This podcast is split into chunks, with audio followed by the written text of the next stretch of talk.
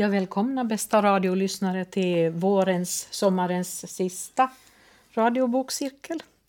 Uh, idag så ska vi prata om uh, Per-Olof Enquists bok Levis resa som då är snart 20 år gammal. Uh, vi som sitter här idag är jag, Katarina Norrgård. Ingemar Johansson. Ulf Nyback. Eh, och vi ska väl börja med en liten kort presentation av författaren Per-Olof Enquist ifall att det nu är någon som inte har hört talas om honom. Eh, han avled nu i april och det var kanske lite därför som boken kom, kom att komma med i radiobokcirkeln. Eh, Per-Olof Enquist var född 1934 i Joggböle i Bureå församling i Västerbotten och dog då 25 april i år i Vaxholm. Uh, han växte upp som enda barnet. Hans pappa dog redan 1935, alltså när han bara var ett år gammal. Så han växte upp med sin mamma som var folkskollärare och djupt religiös. och, och det här syns väldigt tydligt nog i hans böcker. Eh, han eh, sysslade med friidrott i ungdomen och gjorde faktiskt i mitten på 50-talet 1,97 i höjdhopp, vilket är ganska imponerande. Han jobbade sen som kulturkritiker på Svenska Dagbladet och på Expressen. Han var programledare på tv i början på 70-talet. Eh, men han debuterade som författare 1961 med en bok som heter Kristallögat. Och 1964 fick han sitt stora genombrott med Magnetisörens femte vinter. Men han skrev inte bara romaner, han skrev filmmanus, han skrev dramatik. Jag kommer själv ihåg att någon gång i barndomen så har man visat Tribadernas natt på tv som tv-teater och det var mycket märkligt. eh, han var gift tre gånger. Eh, och alla fruarna var kulturpersonligheter kan man väl säga. Eh, han har i sitt skrivande så har han haft en ganska fin balansgång mellan fiktion och fakta. Det var jag såg ett, ett uttryck, faktion. Det vill säga han, han använder historiska personer eh, eller händelser och så placerade han dem tillsammans med påhittade händelser och personer. Så att man vet inte riktigt i hans böcker alltid vad, vad, som, är, vad som verkligen har hänt och vilket som har kommit från hans fantasi. Uh, och den här uh, uppväxten i Västerbotten så ser man också i hans språkhantering. För han använder en del dialektuttryck som ger färg åt texten. Det tycker jag var lite intressant. Det, var, det mesta gick att förstå, men det var några ord, har de inte i huvudet nu, men det var som var helt, eh, jag förstår inte alls. Mm. Det ger ju ingenting åt bristboken på något sätt. Nej. Uh, han har vunnit ganska många litterära priser, inte bara i Sverige utan också utomlands. Uh, och han har översatts till väldigt många språk. Uh, och, och speciellt så har han varit oerhört populär i Tyskland. Men då går vi väl vidare egentligen. Ska jag bara säga om det här Levis resa att den handlar alltså om eh, Levi Petrus som är grundaren av pingströrelsen i Sverige. Och nästan på hela världen. No, ja, så nu kör vi igång. Vad... Ja. Vad ska man säga? Börja. Jag tänker på Efrem är ju en, en, en viktig figur i den här boken. Eh, Efrem är väl en barndomskamrat från eh, Västerbotten till eh, författaren eh, P.O. Enquist. Eh, han eh, har väl då av något skäl så har han, han vill i alla fall bli begraven i Härnhutarnas Guds åker någonstans i södra Köpenhamn. Danmark. Nej, i, i, i, i Danmark nog, men Kristenfält heter det. Ja. ja. Mm. Och, och, och tydligen så ska de här Härnhutarna då göra någon slags eh, livsskildring, eh, eh, Lebenslauf som det kallas i boken. Och eh, P.O. Enquist blev då inbjuden till den här, eller kallad, inbjuden av den döde då till begravningen. Och eh, så blev han då intresserad av Efraim, sin barndomskamrats Lebenslauf. Och därifrån så spinner han väl vidare på Mm. den här historien. Och, ja. Ja, det, det är ju en roman, men den är också lite just Lebenslauf. eh, Levi Petrus Lebenslauf och Sven Lidmans Lebenslauf och, och Efraim själv Ja. kanske också. Men det är lite svårt att veta vem som är jag, berättaren, tycker jag, den här boken. Men man listar ut att det är P.O. Enquist själv. Det finns väl en berättare och sen finns det, det, så finns det ju P.O. själv och han skriver ju Ja, det, jag han ibland. som, det är han som är jag. Jo, men alltså ibland så, Jo. Så finns det en berättare som kanske inte riktigt är P.O. heller. Nej, han blandar ju in deras liksom, berättelser, deras Lebenslauf. Mm. Han får ju mycket därifrån. Ja. Men det kan vara lite svårt att hålla, hålla reda på vem det är som berättar och vems historia det är frågan om. Men det är väl, ja, ska Ja. man säga att det är, det är någon slags eh, dokumentär Mm. som man eh, fick med mycket fiktion. Faktion. Mm. Faktion. Faktion. Ja. Det var ett ganska bra uttryck Ja, för det ja. egentligen. För att det är verkligen, och han balanserar så skickligt så man, man, blir, själv, man blir väldigt osäker på att vilk, är det här nu någonting som har hänt eller, eller har han hittat på det här? Och vissa saker förstår man ju att han kan ju omöjligt ha varit i Sven Lidmans och hans hustrus sovrum och hört dem diskutera. Så det här har han nog hittat på. Medan andra saker kanske... Jag tycker han är väldigt, ja alltså, det är ju förmätet att säga att P.O. är en skicklig författare för det behöver inte jag säga. Men eh, det, det låter, boken är väldigt enkel att läsa. Det, du tycker det? Ja, språket är enkelt. Man tänker, vad, är- Jo. vad det är liksom lite för enkelt, men han är otroligt skicklig på att med enkelt språk förmedla det han gör. Alltså. Jo, och det var tur där för att själva innehållet var nog inte så enkelt. Nej. Speciellt Nej. inte om man har liksom inte har läst någon religionshistoria eller... Nej, men jag tänkte nog mer på sättet att skriva. Jo. Jag har ett exempel på hans, hans sätt att skriva. Alltså han faktiskt får till det, alltså man, i nästan varje mening ibland. Att eh, det här handlar då om eh, när eh, Levi kommer hem från Amerika och varit där. Och man tror att han ska lämna alla, hela pingströrelsen i Sverige och de saknar honom. Så kommer han hem tillbaks till Sverige. Då skriver han så här. Örnen hade mycket överraskande landat och Efraim hade varit närvarande på den presskonferens Levi höll vid ankomsten till Sverige. Den var inte kristallklar. Allt var i själva verket mycket dunkelt. Levi försökte redovisa vad han gjort i Amerika, men ingen förstod. Han talade om Guds kallelse, dels till Amerika, dels hem igen. Men också detta var mycket oklart. Journalisterna var ovana att tolka denna Guds röst. Gud hade tydligen talat.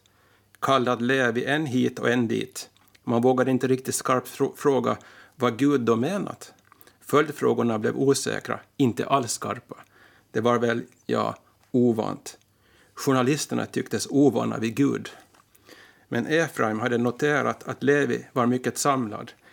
En sak var helt klart, han var inte nedbruten. Han var absolut besluten att återta kontrollen över sitt imperium. Och han var en annan. Frågan var vem, vem han då var. Alltså, det är så tydligt språk och han liksom har så bra grepp om den här historien, tycker jag. Så det, det är behållningen, tycker jag, med den här boken. Att Mm. fast, fast man inte kanske är så insatt i pingströrelsen så, så leds man liksom sådär vid handen genom hela boken. Tycker jag han, han upp, början tyckte jag det var lite trist. Alltså han upprepar samma sak tre gånger kanske. Men det var ju en del, blev en del av läsupplevelsen sen att han går så långsamt meditativt framåt i boken. Det som för andra författare skulle vara en brist att hela tiden upprepa sig. Det Ja. blir ju här en tillgång. Han använder sådana dialektala uttryck som han upprepar, till exempel eljest. Att han var eljest. Han var eljest. Han var annorlunda. Ja. Det är sådana uttryck som min farmor i Österbotten använder. Jo, jo, Jag har inte hört någon annan använda det. Men Och det är här- ganska, det, i, I norra Sverige används det, åtminstone av äldre människor. Också Ja. just, Att man är eljest. Mm. Och för sant, att det, det var Jo. för sant. Och det var mycket sådana uttryck som han hela tiden upprepar.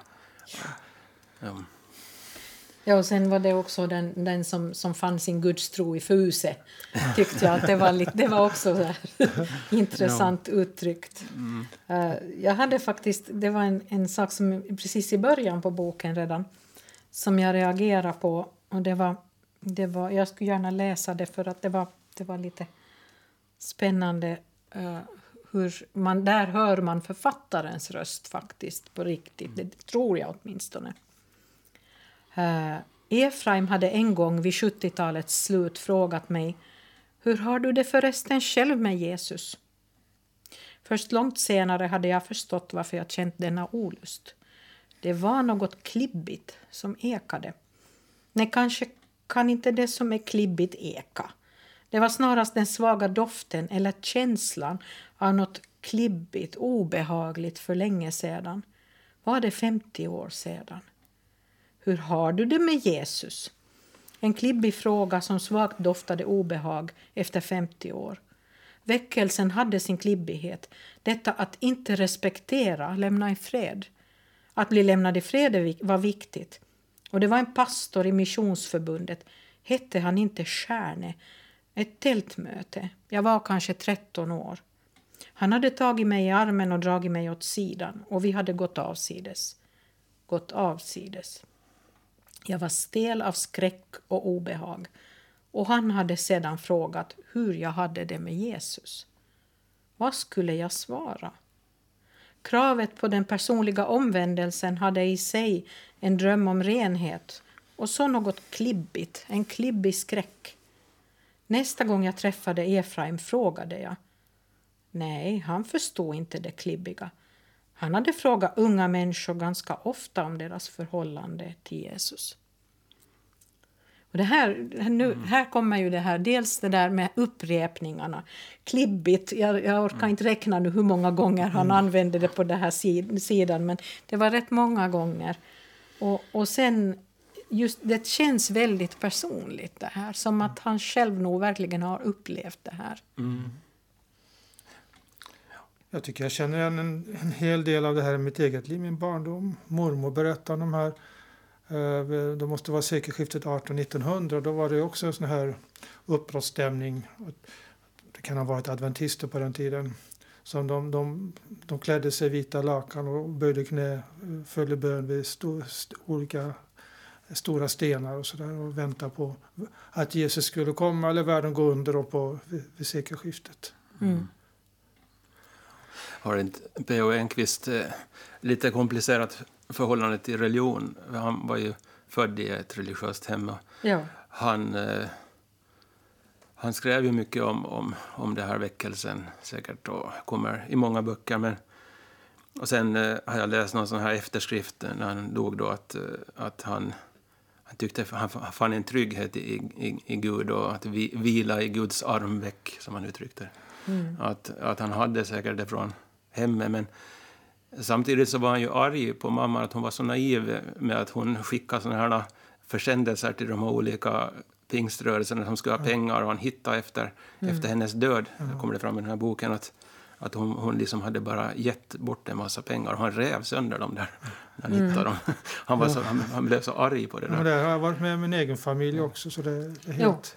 Men det mm. talar kanske mer om bok. Men jag tycker mm. är, att läsa en bok det är ju att, det är en spegel för ens eget liv. Det är därför det blir intressant. Det är inte bara information. Ja.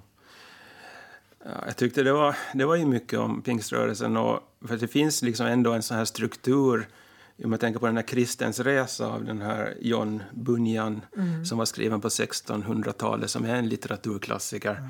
Så det är ju egentligen den som är Levis resa, de går ju parallellt. Mm. För Levi han, han ger ju sig ut i missmodets skog som är Amerika och mm. allt, gör den här resan som den här pilgrimen kristen gör i den här, i den här Kristens resa. Då. Och samtidigt så är Kristens, eh, Kristens resa en pingströrelsernas eh, Den gudomliga komedin av Dante.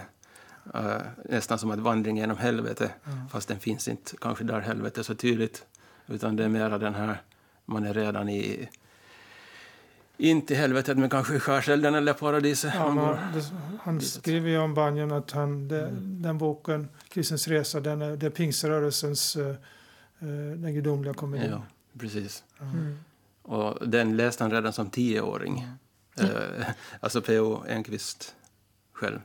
Det är ganska tufft. Alltså, jag tycker också han skildrar lite hur, att barnen var vuxna mycket tidigare. För det är inte bara att han skriver att de var vuxna utan de, de svarar för sig väldigt tidigt i livet.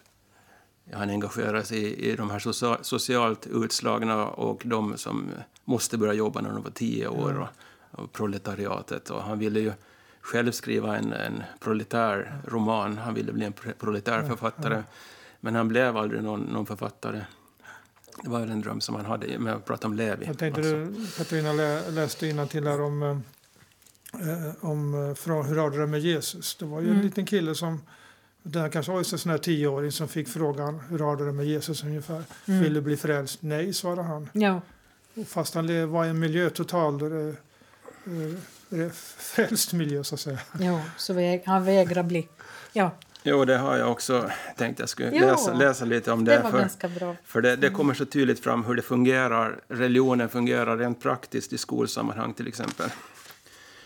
Att eh, det är en kvinna då som kommer till Levi med sin pojke och de hade fått reda på att, att mamman var pingstvän och, och pojken skulle inte få vara med på gymnastiken, han skulle inte få vara med och dansa. Och då så hade mamma sagt till rektorn att, att ni, ska, ni får inte ha dans på gymnastiken. Och då så började de fundera att varför inte. Och sen hade pojkens kamrater fått reda på att, att pojken var pingstvän och så hade de börjat mobba honom. Och det hade pågått flera månader att de hade börjat tala i tungor, så där som pingstvänner gör när de såg honom. Mm. Och eh, ja, jag ska, berätta, jag ska läsa här då. Problemet var, berättade kvinnan, att pojken hade blivit trakasserad i skolan på grund av att modern var pingstvän. Och eftersom kvinnan visste att Levi alltid reagerade mot detta och var beredd att ta strid till försvar för församlingsmedlemmar som blev förföljda för sin tros skull hade hon nu tagit kontakt. Levi sa att detta var mycket bra och ville veta mer om detaljerna kring denna trosförföljelse. Han bad pojken själv berätta. Pojken hette Lukas. Jo, vi hade gymnastik i skolan, hade han börjat med låg och skälvande röst. Och där var det en lärare som skulle lära om oss folkdanser. Och då gick mamma till rektor och sa ifrån. Han skruvade oroligt på sig och tycktes ovillig att fortsätta men hade sedan på direkt uppmaning från Levi berättat vad modern hade sagt ifrån. Modern hade förklarat att eftersom dans var synd för en pingstvän och det ena kunde leda till det andra så hade hon sagt ifrån. Ingen förstod ännu sammanhanget och pojken hade då fortsatt. Och då blev de andra arga. Kvinnan hade kompletterat och sagt att, som hon uppfattade det, var dans kränkande för en pingstvän. Detta att ett, att ett barn lärde sig någon form av dans. Och även om rektor kanske hade ställt sig undrande och icke tyckt att det var så farligt hade han gått vidare och kontaktat skolstyrelsens ordförande och så vidare. Så att, och sen så började de fråga honom vad, vad, vad gjorde de här pojkarna? Liksom, vad hände då Lukas? Du måste berätta. Pojken hade då brustit ut i gråt och snyftat. Och de höll på och höll på och höll på i flera månader och de håller på än och så babblar de och låtsas att jag är tungotalare. Och sen så frågar då Levi att eh, du har väl överlåtit dig åt Jesus Kristus och vet, och vet ju att nej, hade pojken då sagt. Då hade alla, för, alla förvånat sett på honom, men modern hade också börjat, börjat snyfta och nickat som om hon nu först förstod den verkliga tragedin. Lukas, vad menar du? hade Levi sagt. Vad menar du med nej? Jag är inte frälst, hade pojken då sagt och slutat gråta. Och jag vill inte bli frälst. Jag tycker det är orättvist att jag ska få lida ändå. Så han framhärdar, framhärdar liksom i det här. Och så, det är just den här parallell till Bibeln, Abraham och Isak och att Isak, Abraham ska offra Isak och för sin tros skull. Jag tycker det är en, ett grymt ställe hur, hur barn får lida för, för föräldrar, föräldrarnas tro. Mm. Jag tycker att äh, ja, P.O. Enquist och Levis resa, att han, jag tycker det är ett varmt sätt att skriva om pingstväckelsen fast man då liksom får ju inblick i ja, det är i alla fall Enquists berättelse om, om pingströrelsen. Mm. En inblick i hur det är på ett eh, ganska varmt och generöst sätt beskriver konflikter och motsättningar men ändå så jag tycker, jag tycker om de här personerna som man skildrar de är intressanta, men jag kan inte säga... Jag tycker man, man får inte se så mycket av det här negativa egentligen om man tänker mm. efter. För alltså en del av, av historien med det hela är ju just den här konflikt, de här konflikterna som uppstår när när de börjar tjäna pengar på, på, det här, på församlingen, så att säga. Eh, och, och det är ju, men det, då framgår det ju ganska uppenbart att åtminstone att Enquist anser ju inte att det är ju inte Levi Petrus som, som tänker så. Han, han vill hjälpa människor, han vill hjälpa just de som har det svårt eh, och, och det här, de som är utan, utan tak över huvudet och, och, och så. Medan man då får ett intryck, och det kommer aldrig riktigt fram, det är de här äldste, det är de här övriga i Svansen. ledningen, Gubb, gubbhyllan. Ja. De som bestämmer. Ja, det, det var ju ett intressant sätt när de beskriver liksom var de här ledarna i församlingen sitter när det är, när det är då möten. Att Det är gubb, Gubbhyllan. ja. Det är, för Till alla ledarna från- är ju män. Medan eh, sen är, är den församlingen då, det är gumhavet. För 80 procent av församlingen så består av kvinnor. Och det är väl kanske en del av bokens upplevelsen av boken och, och den beskrivs ju inte så här informativt men i berättelsens form så får man veta att det är så här att det sitter gumhavet och de får inte vara med och bestämma. Mm, Det är en, ensamstående kvinnor med barn. Ja, oftast i 30-årsåldern och inte så bra jobb. Och, och på den tiden, på 30-talet i Stockholm, då, som det här grundas, den här Philadelphia-kyrkan, så hade de inga andra nöjen. De hade så ett tufft liv och, och det var liksom en, en slags avkoppling för dem att gå dit och lyssna på. Ja, såna här, ja, kvi, eftersom de är mest kvinnor då, så det är de som uttrycker sig. Den här eh, sensuella erotiska sidan i, i den här typen av utövning av väckelsen, av de här mötena. Det var ju, beskrivs som någonting eh, vackert jämfört med den sexualitet som de blir utsatta för i, så i vardagslivet. Mm. Mm. Att eh, det är liksom, ja, via, via Enquist så får man intryck av att det är fel att, att, så att säga, anklaga rörelsen för att vara erotisk.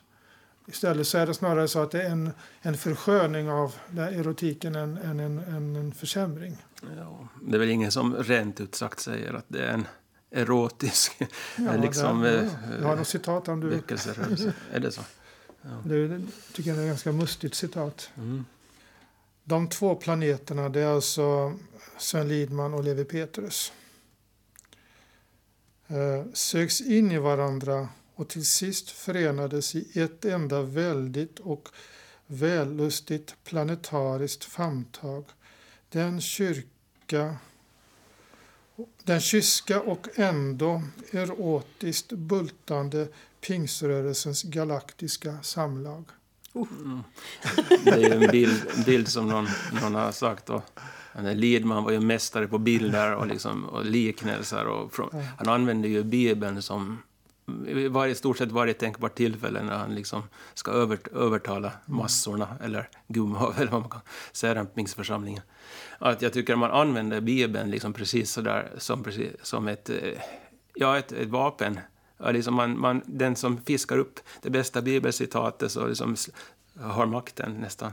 Och de här tumverserna som de drar från en skål också när det, när det är verkligen är en kris. Då tar man bara några bibelcitat härifrån och därifrån. Och så börjar man läsa och fundera, vad betyder det här egentligen? Och försöka passa in det liksom i sammanhanget. Så, så man tror ju absolut på, nå- på det här med Ja, vad, vad heter det? Evangelium eller förkunnelsen eller vad det är i Bibeln. Alltså jag måste ju säga att Ja. just med de här tumverserna så tänkte jag nästan på såna här fortune cookies.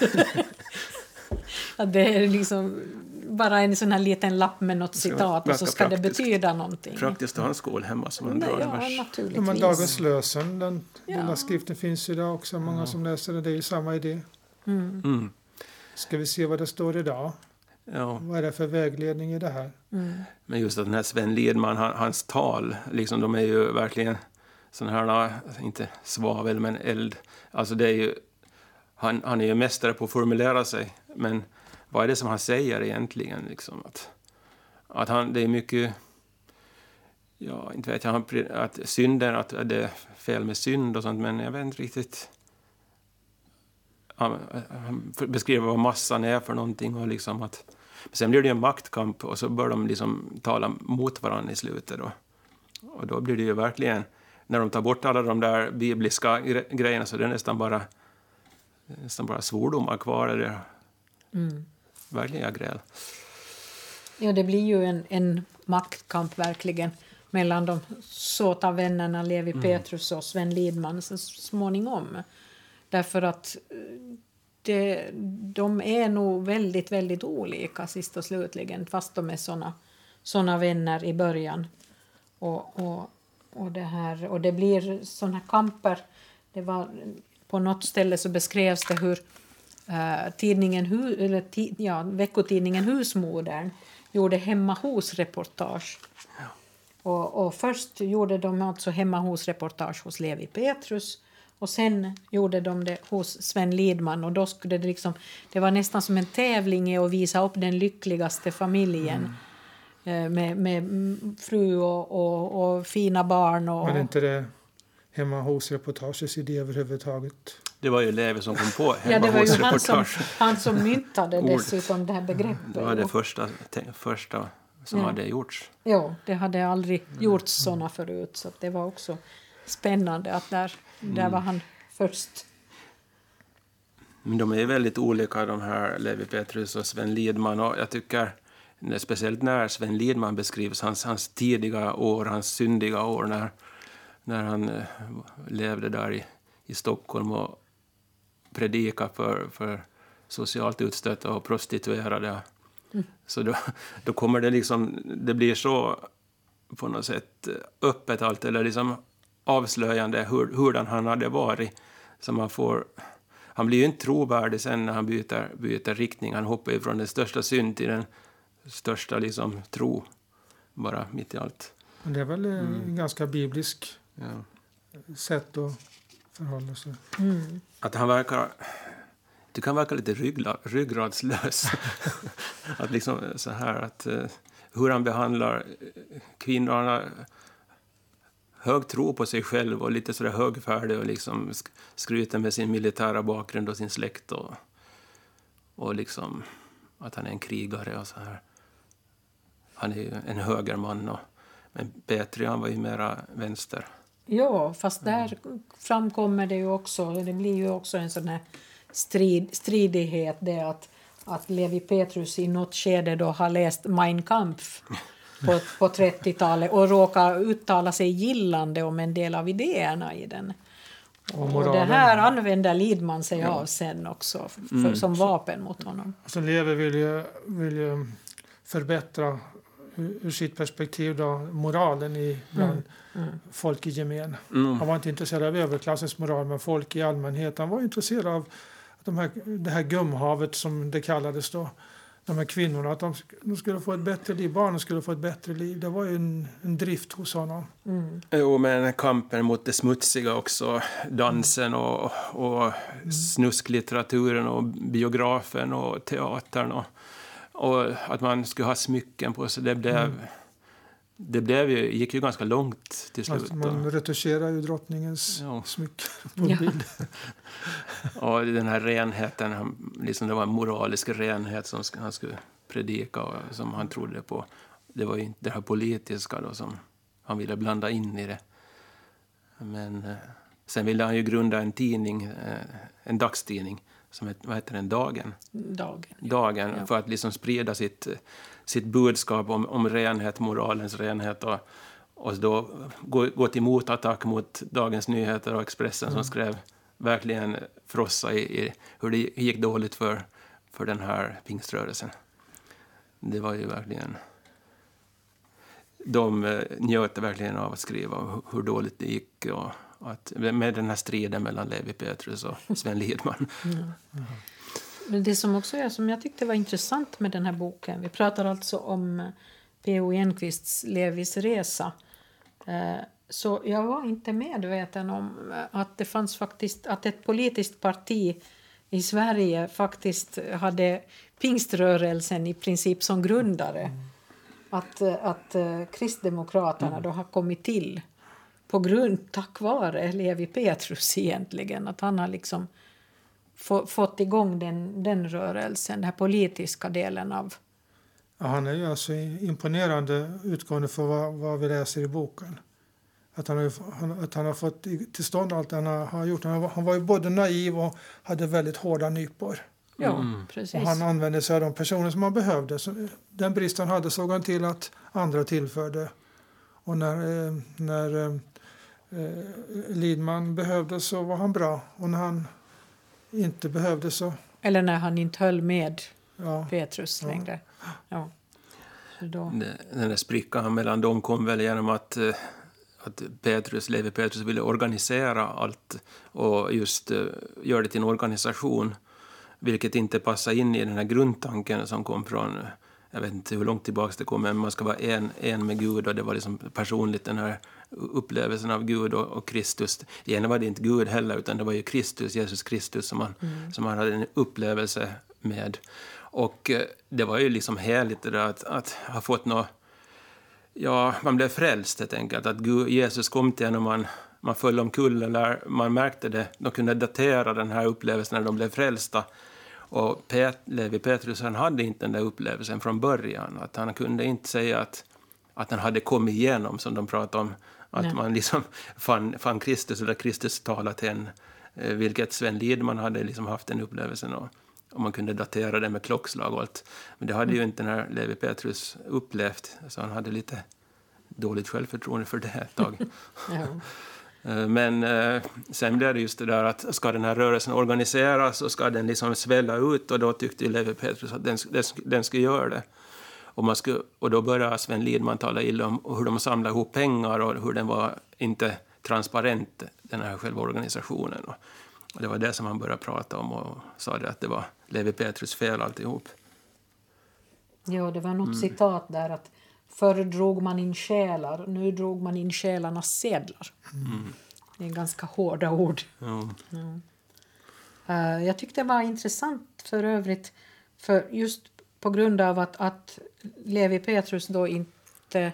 Han, han var liksom den här som försökte organisera och, och, och bygga upp någonting. Men, men han talar sist och slutligen inte så mycket om, om det här tron i sig förrän det plötsligt, då när han är i Amerika och i djupaste förtvivlan, han har alltså tillbringat ett bra tag där och, och mår nog inte så bra.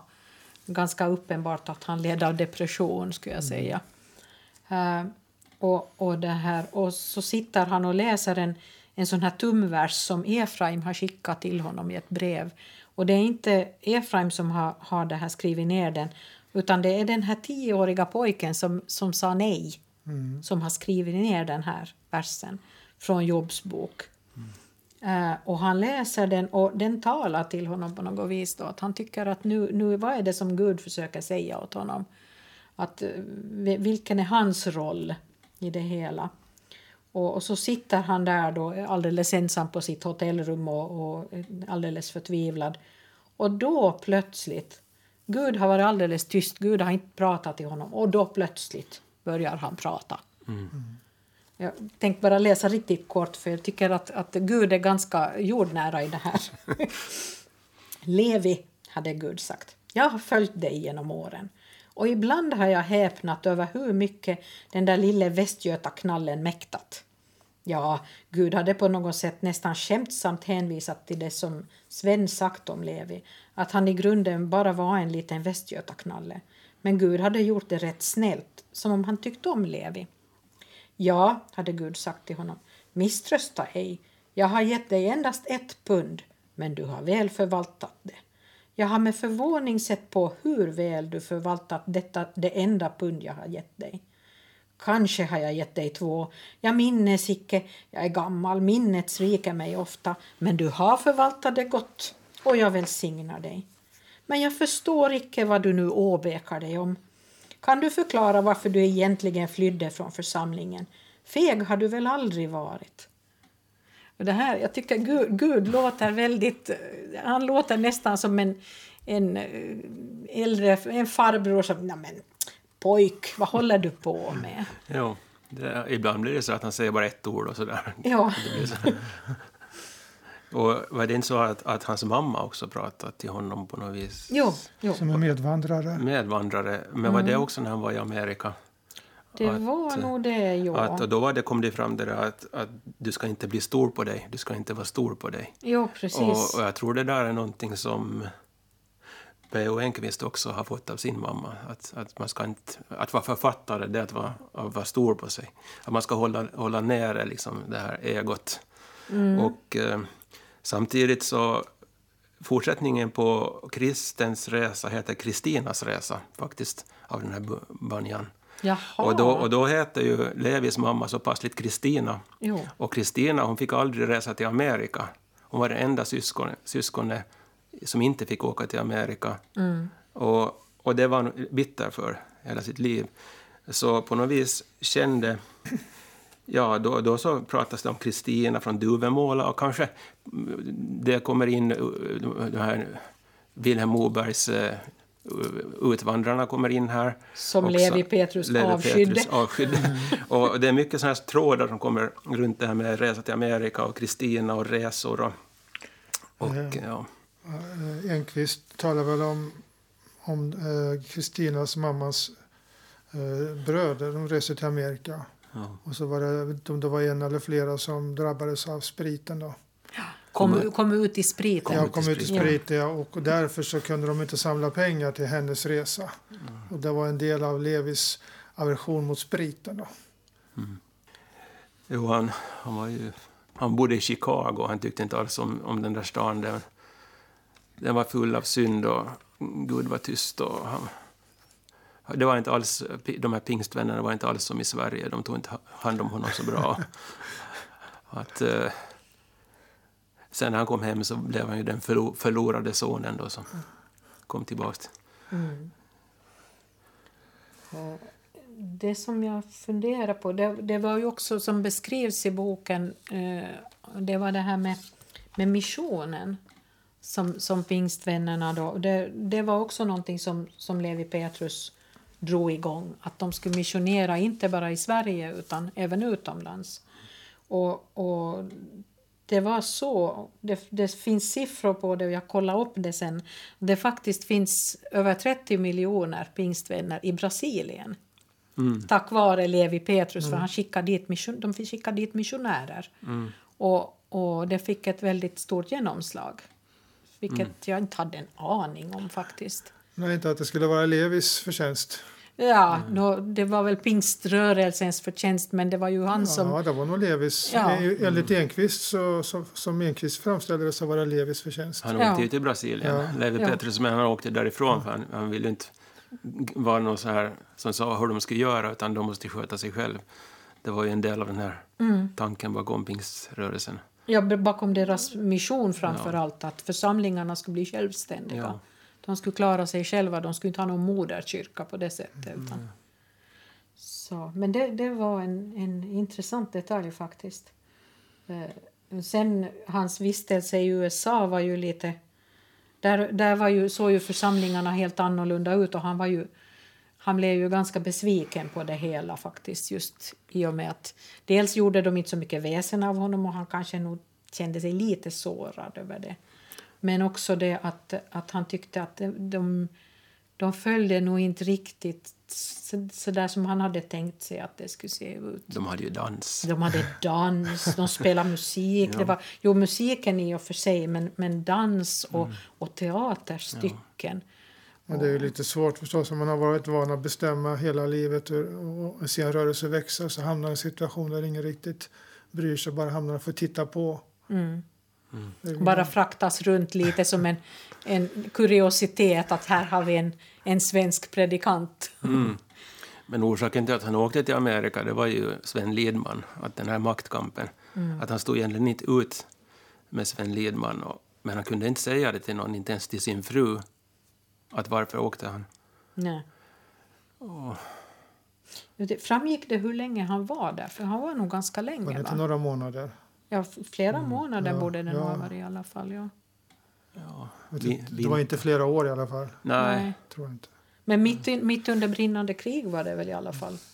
Eller hur var det? Ja, det var Eller ju, var det precis det var ju krigsslutet? 39 kanske. det var för det att han, de sa ju att han hade läst Hitlers Mein Kampf före. Just, fast han påstod att han inte hade gjort det, utan han läste den först efteråt. Och, eh, ja. Jo. Men jag tänker just med, med det här som de pratar om att, att det här re- relativitetstänkande, liksom den här mo- moderna modernism och att eh, enligt Sven Lidman så, så skulle man ju offra sig. Man, det var den här blodkulten, det var det här liksom offerkult, precis samma som nazismen hade. Att det var inte det här att man skulle tänka som en modern människa, att det finns både för och, och emot, utan att man kunde inte bestämma sig för hur det skulle vara. Det var liksom, det var dåligt för en människa, då blev man villrådig. Utan man skulle bara liksom tro på en sak så här starkt, och då var man liksom stark i anden. Och det, det tycker jag att det är en far, farlig väg att gå, men då sa man ju att, att Levi han var liksom förnuftet och den här Lidman var den här Passionen. passionen i det Ja. hela. Men det var ju väldigt mycket passion i de här predikningarna och, och det skulle vara så för att då fick man igång den här nästan transen som var där. Ja, så alltså, jag har varit på ja, det är väl begravning i Österbotten. Och då var det predikanter med. Och så, då stod en predikant upp och talade på minnesstunden. Då. Och så gick följande predikant upp och rättade till föregående. Och så, och så kom den första fram igen och kommenterade den andra. Så, och där satt vi ju som, ja, när jag läste den här boken, som gumhavet och tittade på när de diskuterade med varandra på minnesstunden. Okej. Jag, jag, jag tyckte det blev som en fotbollsmatch nästan med såna här sånger. De sjöng när det blev den här kampen när, när Levi och, och eh, Sven Lidman till slut skulle det, skulle bestä, det blev en avgörande predikning, strid mellan dem i den här kyrkan och, och församlingen hade delat upp sig att man höll på Sven Lidman eller man höll på Levi Petrus och de hade färdigt, de sjöng de här de som höll på Sven Lidman sjöng hans psalm och de som höll på Petrus sjöng hans psalm. det var ju kul Och det- inslag. Ja. och de som sjöng högst, de vann. Och det, det, liksom, det är riktigt parodiskt. Liksom. Och Det skulle stod- jag vilja se, Ja, det var se och höra det, gestaltas. det var som en fotbollsmatch med... med Ja, det, Fans. det, det, kändes, det kändes faktiskt som en parodi. ja. Men jag vet inte, nu, nu tror jag ju inte att P.O. Enquist har varit på plats där.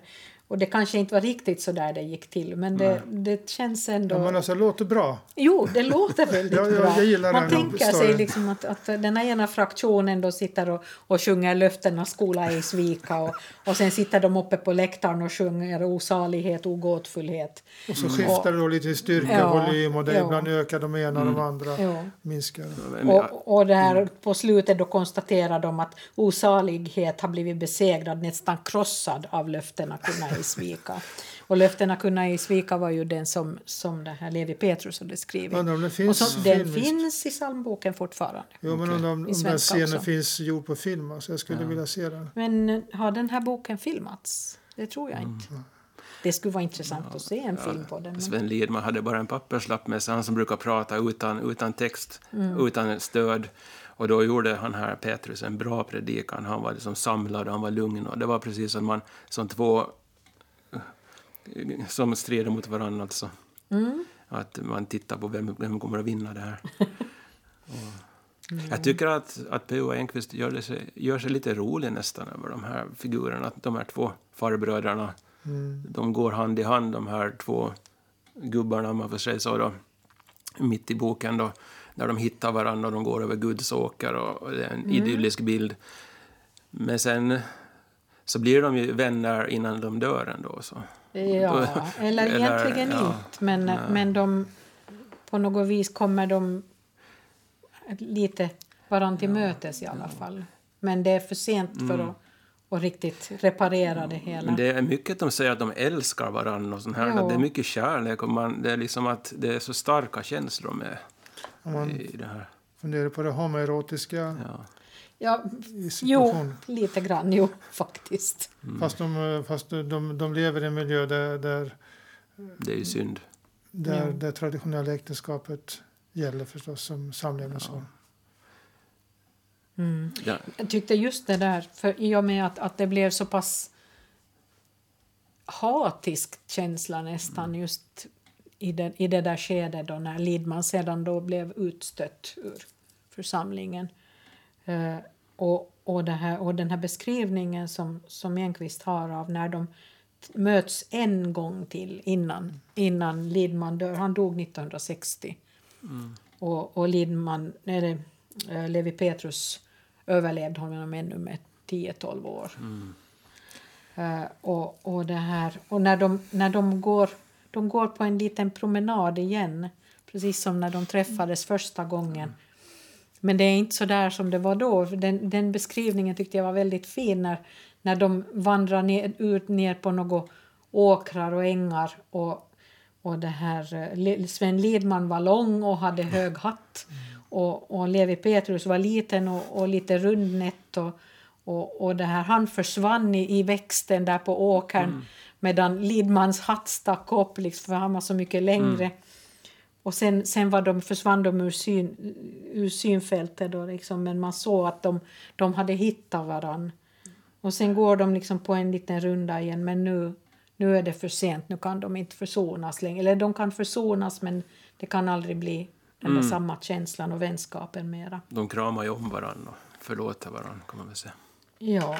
Men, men det var det, för sent. Men han beskriver det som eh, det är en framgångssaga som, som man får intryck av när jag läste boken Pingströrelsens framväxt. Ja. Och, och ja, jag tycker att det, man, man kan se boken som liksom backstage. Man, det är tilläggsmaterial. Man får betala lite extra så får man veta bakom scenen ja, också. Det är lite så ju faktiskt. Det är de här behind the scenes som, jo, som det känns. Man tycker att en sån här väckelserörelse den grundas på ganska inte vet jag, lösa grunder men att det är en person eller två som har några upplevelser, religiösa upplevelser, mm. starka upplevelser. Och så upprättar man ett syndaregister och så börjar man bestämma vad som är rätt och fel. Och jag tycker... Så går det är, är det så här det går till? och så sväller det ut och så får man ett eget hus och så börjar man predika och så, och så finns, det, finns det massor som gärna kommer som har brist, i brist på annat. Att, uh, jag tyckte att, att det var lite så här att, att verkligen, om man tänker på religionen, hur det, hur det liksom visar sig för den här pojken då som blir mobbad för den sakens skull och, och det är många kanske som lider också av det här, men att det är faktiskt eh, gubbar som har vissa idéer och som sitter och bestämmer över det här. Att det, man får insyn också lite i avigsidorna kanske med, med religiös mm. rörelse. Jag tycker åtminstone att, att där mot slutet av boken den här Efraim som då är den som begravs i Danmark där i, precis i början på boken. Så han hade ju då alltså skrivit en, en sin Lebenslauf kallas det. Mm. När han har gjort en, liksom skrivit, berättat om sitt liv men han har lämnat bort en del saker och andra saker har han skrivit mycket om. Och då har han bevarat talet som han höll när han blev utkastad ur församlingen för han åkte också ut. Mm. Och, och kritisera, börja med och, och det här och, och kritiserar Lidman som ju då redan är utesluten. Eh, sen börjar han kritisera hur, hur demokratiskt demokratisk rörelsen är eller inte är. Då. Alltså avsaknaden av insyn och demokrati. Och han, ibland får han applåder från församlingen och sen blir det någon av de äldste som stiger upp och börjar ropa att ska vi ha det så här i Guds församling? Eh, och, och, det här, och, och sen, sen så slutar han med att prata om församlingsdemokratin då. Och, och alla lyssnar. Gumhavel lyssnar, de som inte har någonting att säga till om ändå. För han talar för genomlysning, tydlighet, rätt att välja församlingsäldste, rätt att välja representanter som hade integritet och icke vore fogliga och snälla. Han hade då släppt sitt manuskript, talat rakt till dem där nere i de troendes hav och så plötsligt gripits av något han uppfattade som helig vrede. Ja, det måste ha varit helig vrede. Han hade slagit ut med handen mot raden av likbleka och sammanbitna församlingsäldste och ropat Här framför er sitter en samling kärringar. Ja. Och då steg faktiskt Levi Petrus upp och gick fram och la armen om Efraim och sa att Känner vi inte alla i den här stunden att det är karar som broder Efraim vi behöver? Mm. Och det blev stort jubel och sen ett år senare åkte han ut ur församlingen. Ja. Men, I alla väldigt skicklig alltså. Mm. Men det var Efraims största stund. Hans det var nog hans stund, stora stund, ja. Men det var hans fem före fallet. Mm. Vad, vad har vi lärt oss av den här boken om vi säger så? Ja... Eh jag, vet, jag skulle, hade en sak jag skulle vilja säga. Mm. Och det tycker jag när, när Levis uh, fru håller på att dö. Barnsäng tror jag det var. Mm. Uh, och, och det, här, alltså det är intressant hur, hur uh, Enqvist orkar berätta den berättelsen. Mm. Men alltså det är ju det är Levis som har ett bekymmer. Och han litar på Gud. Det är Levis, det är Levis alltså Levi med stort L som har en fru som håller på att dö. Frun har ingen talan. Frun har ingen relation till Gud. Och det, den upplevelse som Levis fru har då, den sker genom Levi. Mm. Och jag tycker det, det, det liksom griper tag sådär liksom. Dessa stora gubbar liksom. Mm. De har, de är, de har, de har liksom ingen respekt för den andra alls. Det var ju Mm. kopplat till Abraham och Isak. Där. Ja, Ja. men alltså. Mm. Det är den historien man inte förstår sig på heller. Och så. Nej. Det ligger ett barn där. Barnet har Gud också testar. en relation till omgivningen. Mm, Mm. Visst, det är det. Jag tycker det, man är tacksam att man har fått en inblick i själva den här pingströrelsen, men man är ju inte odelat positiv till den. Alltså- Nej, det, Men det säger väl någonting om oss själva kanske. För jag, alltså jag känner igen mig väldigt mycket i de här på olika sätt. Dels den geografiska beskrivningen, de här ortnamnen, det är min egen barndomsmiljö till exempel. Den här religiösa Mm. bakgrunden, men mitt liv är inte exakt som Levis eller som Mm. Enqvist har skrivit. Men det är mycket som går igen och jag tycker om att han liksom behandlar det med någon slags empati. mm. Att Mm. jag kan läsa i det här, se den här spegeln med och, och få ha en empatisk spegelbild. Ja, det, det, det skulle jag säga att, att han svartmålar ju ingen i den här skildringen. Utan man, alla de, de här människorna de framstår som väldigt mänskliga. De har sina brister, men de vill nog väldigt väl, de flesta av dem. Det var liksom träffande det här med att de är lemmar på samma kropp. Ja, På något precis. vis. Alla hör till rörelsen fast de är olika som människor. Ja, Det var ju också en sån här... precis. Här, de, eh, Levi och S- eh, Sven då, de träffades i Kölingared. Mm. Ja, men där har jag varit på läger som barn. Ja. Så. Då kanske vi ska ta och, och knyta ihop radiobokcirkeln, knuten den för den här gången. Tack för att ni har hängt med. Eh, vi som sitter här idag så är jag, Katarina Norrgård. Ingemar Johansson. Ulf Nyback. Eh, och radiobokcirkeln återvänder igen i augusti. Så ni får väl hålla koll och lyssna på gamla avsnitt tills dess. Tack och hej!